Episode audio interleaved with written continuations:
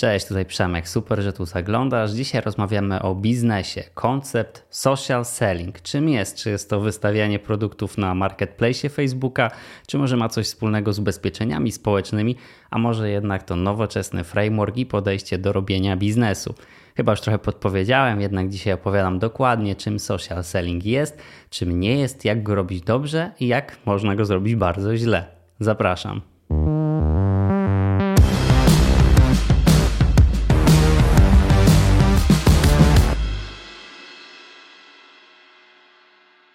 Zacznijmy od początku, czyli od definicji, której Wam nie podam, bo definicji jest parę i ja nie do końca się z nimi zgadzam.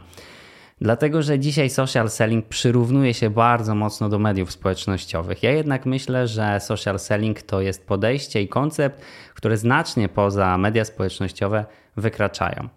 Patrząc tak ewolucyjnie na to, jak robi się biznes na świecie, jak podchodzi się do rozwoju biznesu, do sprzedaży, to ja takich początków social sellingu upatrywałbym w takiej klasycznej chęci budowania swojej sieci, swojego networku. Czyli kiedyś na te potrzeby odpowiadały takie lokalne, a często już później też nielokalne organizacje biznesowe skupiające się dookoła jakiegoś jednego tematu, typu tygrysy technologii. Wiecie, spotykali się tam panie i panowie, którzy byli wpływowi w danej branży, dookoła danego tematu, dyskutowali o przyszłości biznesu, o przyszłości właśnie ich konkretnej branży i przy okazji budowali swoje relacje z innymi osobami z tego podwórka. No i żeby się tam dostać, no to albo trzeba było być poleconym, e, często też trzeba było płacić jakąś taką składkę członkowską. Oczywiście tego typu organizacje dalej istnieją, jednak taką swoją złotą erę, moim zdaniem, już po prostu miały. No i z czego to w ogóle wynika? Przede wszystkim z tego, że nadal relacje to jest taki numer jeden czynnik, który pozwala nam robić w świecie dużego biznesu po prostu biznes.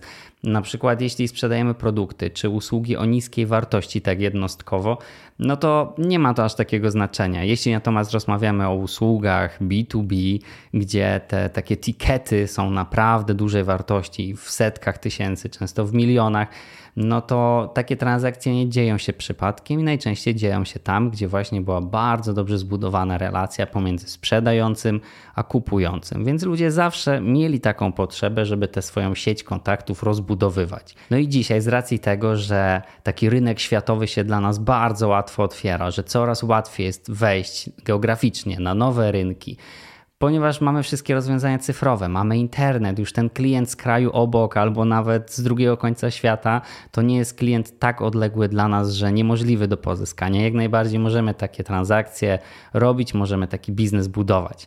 Więc e, wykorzystujemy technologię, wykorzystujemy internet, żeby mieć większy zasięg. I w erze tego typu rozwiązań ten cały koncept potrzeby rozbudowywania i wygrzewania tych relacji przeniósł się w dużej części do internetu, więc coraz więcej mamy takich organizacji pisanych, nazwanych albo też niepisanych, bo to są te takie sieci, które powstają dookoła nas w ramach naszych mediów społecznościowych czy przestrzeni w internecie, w których jesteśmy obecni.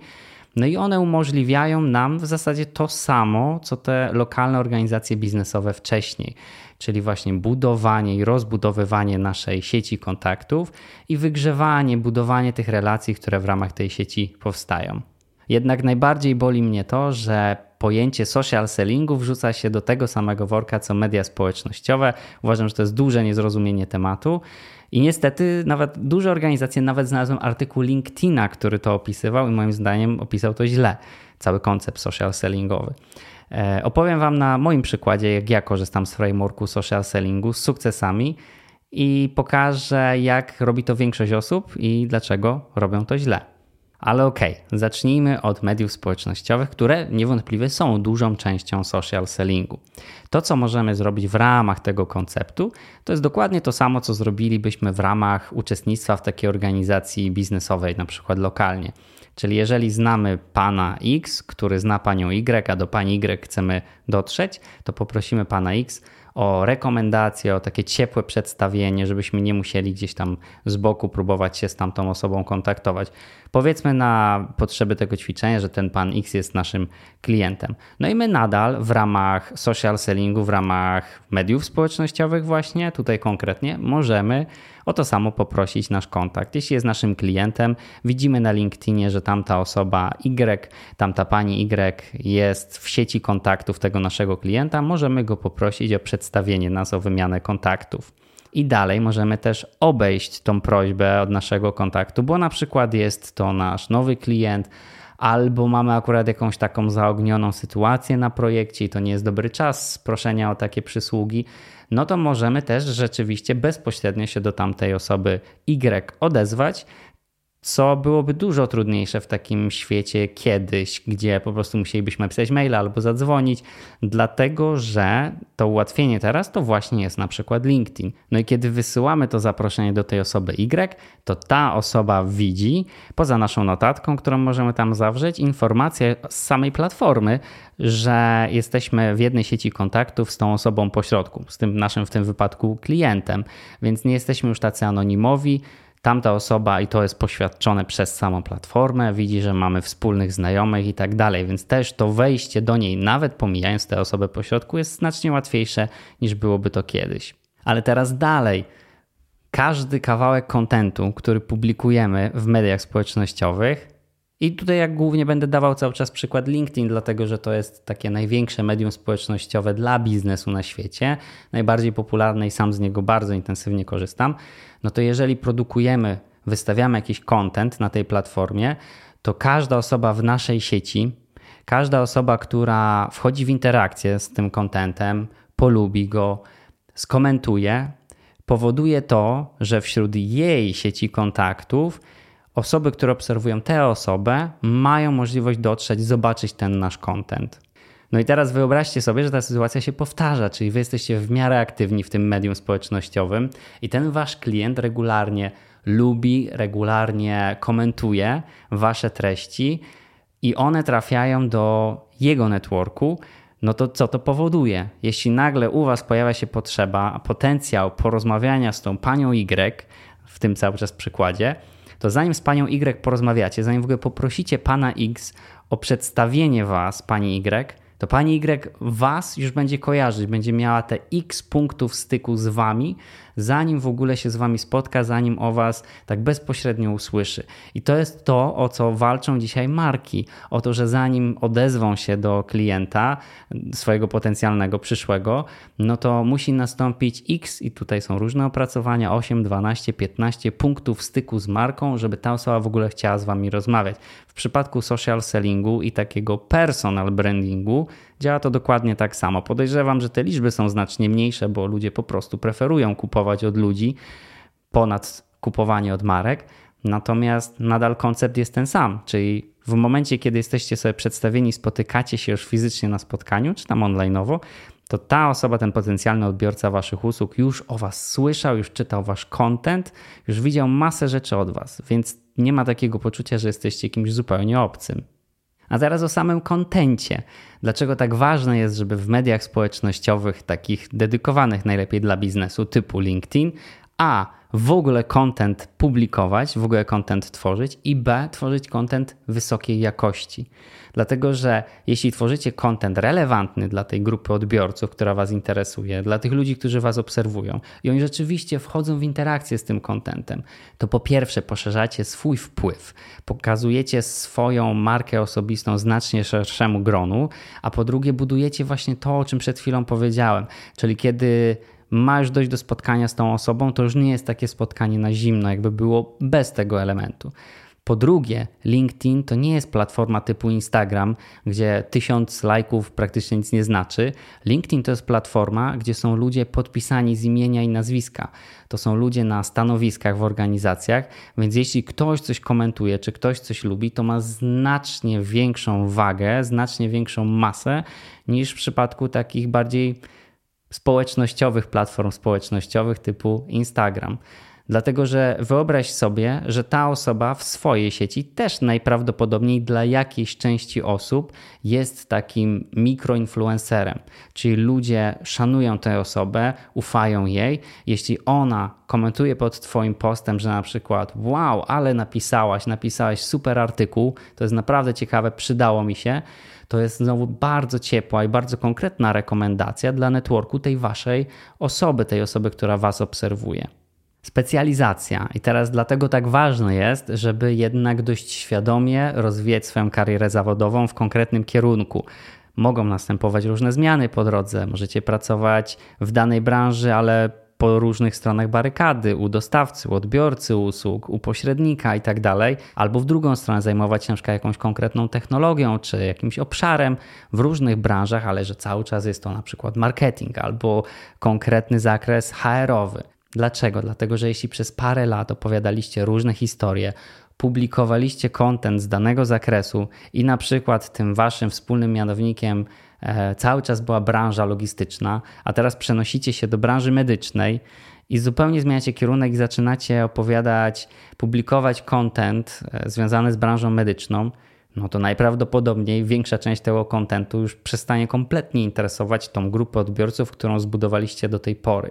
Co za tym idzie, też przestaną się oni angażować w to, co wy publikujecie, przestaną komentować, przestaną wchodzić z wami w dyskusję pod tymi postami, co z kolei też spowoduje taką lawinę wydarzeń, bo sama platforma będzie widziała to w ten sposób, że macie znaczny spadek zainteresowania i zaangażowania w wasz content, czyli coś z tym musi być nie tak, czyli prawdopodobnie publikujecie treści, które już są nieinteresujące dla Waszej grupy odbiorców, przez co z kolei już sama platforma, na przykład LinkedIn, zacznie ograniczać Wasze zasięgi i po prostu rzadziej wyświetlać Wasz content.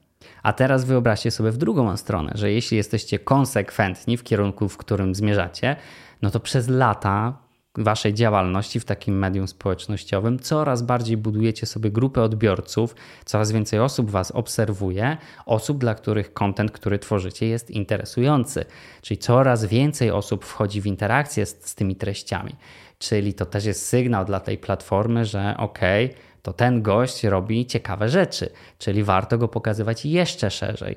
I już dalej w networkach tych poszczególnych osób, które wchodzą w interakcję z kontentem, znowu buduje się wasz zasięg, buduje się świadomość waszej osoby, więc no budujecie to, co cały czas wam chodzi. I teraz dalej, jeśli z tego miejsca przejdziecie do świata rzeczywistego, czyli na przykład później pojawiacie się na jakimś wydarzeniu za granicą, na rynku, pod które treści też celowaliście, no to zdarzają się takie sytuacje w stylu, że wchodzę na event i słyszę gdzieś tam przy wejściu hej Perez Mysław, w ogóle ale super, że tu jesteś, ja cię kojarzę z LinkedIna, czytałem twój artykuł, oglądałem twój film o... No i nagle się okazuje, że on oglądał, bo to do niego dotarło, dlatego że on jest w ramach tej grupy, która mnie też biznesowo interesuje, bo ja opowiadam na przykład o technologii w finansach, a to jest dyrektor technologiczny, dyrektor techniczny z jakiejś dużej firmy. No i mam naturalne wejście, naturalny start rozmowy. Zaczynamy te rozmowy z zupełnie innego miejsca. Gdyby tych punktów styku jego ze mną internetowo wcześniej nie było. I teraz pytanie, czy w ramach social sellingu istnieje coś poza social mediami? No oczywiście, że istnieje. To jest właśnie ten sposób, w jaki ja social selling wykorzystuję, czyli znacznie wychodzę poza obszar online'owy i integruję go z obszarem offline'owym. Biorę udział w masie jakościowych eventów w krajach, na rynkach geograficznie, tak mówiąc, które mnie interesują też tak komercyjnie, czyli Publikuję treści dla tych osób z danej branży, z danego obszaru, które są dla nich ciekawe, interesujące, i później rzeczywiście pojawiam się fizycznie u nich w kraju, pojawiam się fizycznie na evencie, na którym jest duże prawdopodobieństwo, że oni również się pojawią. Oni, mówię w sensie osoby, które są dla mnie ciekawe również komercyjnie, z którymi mogę zrobić biznes. No i po pierwsze, właśnie mam odhaczone te x punktów styku, zanim w ogóle się z tą osobą spotkam. Oni już mieli szansę poczytać trochę o mnie, poczytać treści, które ja produkuję zdobyć trochę wiedzy czy informacji w ramach mojego kontentu, no i dopiero siadamy do rozmów i się poznajemy i tutaj właśnie pojawia się też cały aspekt psychologiczny, że dużo łatwiej w świecie tego dużego biznesu, usług B2B robi się biznes, kiedy można spotkać się fizycznie. Zupełnie inny poziom wejścia, zupełnie inny poziom zaufania, kiedy możemy sobie spojrzeć w oczy, uścisnąć sobie ręce, więc to jest takie już taka wisienka na torcie, kiedy rzeczywiście możemy sfinalizować powiedzmy tę znajomość na tym etapie i przejść do rozmów o biznesie. Czyli dla mnie tak naprawdę media społecznościowe w social sellingu to jest taka dźwignia do robienia tego, co się robiło kiedyś, co ja też i tak robię, do budowania swojej sieci kontaktów, do rozbudowywania jej i do wygrzewania, do budowania relacji w ramach tej sieci, po to, aby spróbować wspólnie w ramach tej grupy zrobić relacyjny biznes. A po co w ogóle ten social selling? No bo przecież tak naprawdę no to, to jest jakiś rodzaj marketingu online'owego w dużej części, poza tą częścią offline'ową. No ale jednak jak ja sobie pomyślę o firmach B2B, które rzeczywiście sprzedają drogie usługi, drogie w tym sensie, że to są te duże tikety, czyli nie mamy jakiejś tam miesięcznej subskrypcji i tak dalej, tylko rzeczywiście mamy wolumenowo drogie rozwiązania, no to wyobraźcie sobie firmy, które przyjmują 100% takie rozwiązania e-commerce'owe tak naprawdę, czyli próbują sprzedawać swoje rozwiązania digital marketingiem z pomocą rozwiązań SEM. E, no dzisiaj na tak przesyconym rynku, kiedy większość osób w ogóle ma adblocki i nie chce oglądać reklam i przy tym całym chaosie i tej masie informacji, która do nas codziennie napływa, to jest po prostu już nieciekawe. Na tego typu rynku, w świecie dużego biznesu, to tak naprawdę ten model się już skończył. Ja znam parę firm, które w ten sposób działają i które w tym momencie odnotowują straszne spadki zainteresowania i strasznie wychudzony pipeline, swój marketingowy, swój sprzedażowy. I myślę, że główna część ich sukcesu nadal w tym momencie, jeśli jest, to wynika z tego, że weszli w to w bardzo dobrym momencie. Te 10-7 lat temu, kiedy było bardzo dużo przestrzeni na to na rynku i dużo łatwiej było skalować tego typu operacje niż na przykład operację outboundową. O outboundzie i inboundzie opowiadałem w osobnym filmie. Serdecznie zapraszam do sprawdzenia. No a dzisiaj po prostu jest coraz trudniej walczyć, licytować o te słowa kluczowe, robić dobrze adsy, docierać do ludzi.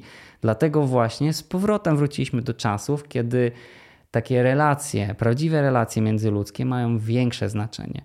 Ponadto pojawia się coraz częściej temat personal brandingu. Ludzie znowu wolą kupować od ludzi. Nie mówię tutaj ponownie o małych usługach, nie mówię tutaj o produktach, bo tu jak najbardziej częściej nawet chętnie kupimy od y, bota na stronie niż porozmawiamy z konsultantem, który coś nam, nam będzie próbował wciskać. Mówię tutaj o świecie B2B. I dlatego cały framework social sellingowy znowu ma sens. I w dodatku jeszcze w dużej części opiera się właśnie o część online'ową, którą do pewnego momentu możemy skalować, o część online'ową, która pozwala nam zbudować dużo większy zasięg, no i jest fantastycznym takim wehikułem dla budowania naszej marki osobistej. I teraz jak ja korzystam z social sellingu? Tak wypunktuję Wam po kolei. Pierwsza rzecz to patrzę na ten framework znacznie szerzej niż online i media społecznościowe i integruję część online'ową z częścią offline'ową.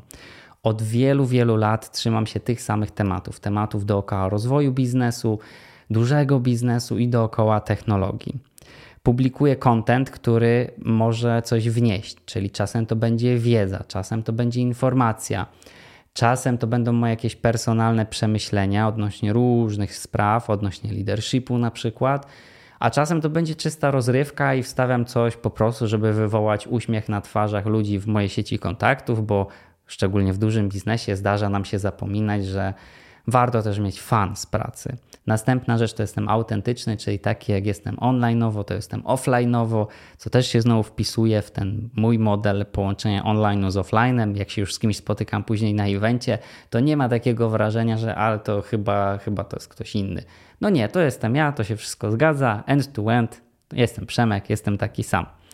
Wchodzę w interakcje z ludźmi, którzy są w mojej sieci kontaktów, czy nawet szerzej, czy jestem dość aktywny, komentuję, publikuję, radzę. Bardzo często też łączę ludzi, czyli jeśli widzę, że jeden z moich kontaktów szuka czegoś, a drugi z moich kontaktów to dostarcza, no to po prostu to są takie momenty, które uwielbiam. Jestem takim urodzonym networkerem, matchmakerem i uwielbiam tych ludzi ze sobą łączyć. Pracuję też bardzo dużo w ramach moich mediów społecznościowych, moich przestrzeni z wideomarketingiem, co znowu pozwala też w tym tłumie, w tym chaosie informacyjnym bardziej wyciągnąć moją osobę, czyli to nie jest tak, że widzisz jakiś suchy tekst ode mnie, bardzo często to będzie właśnie format wideo, o tym na pewno nagram jeszcze osobny odcinek, bo to jest bardzo ciekawy temat.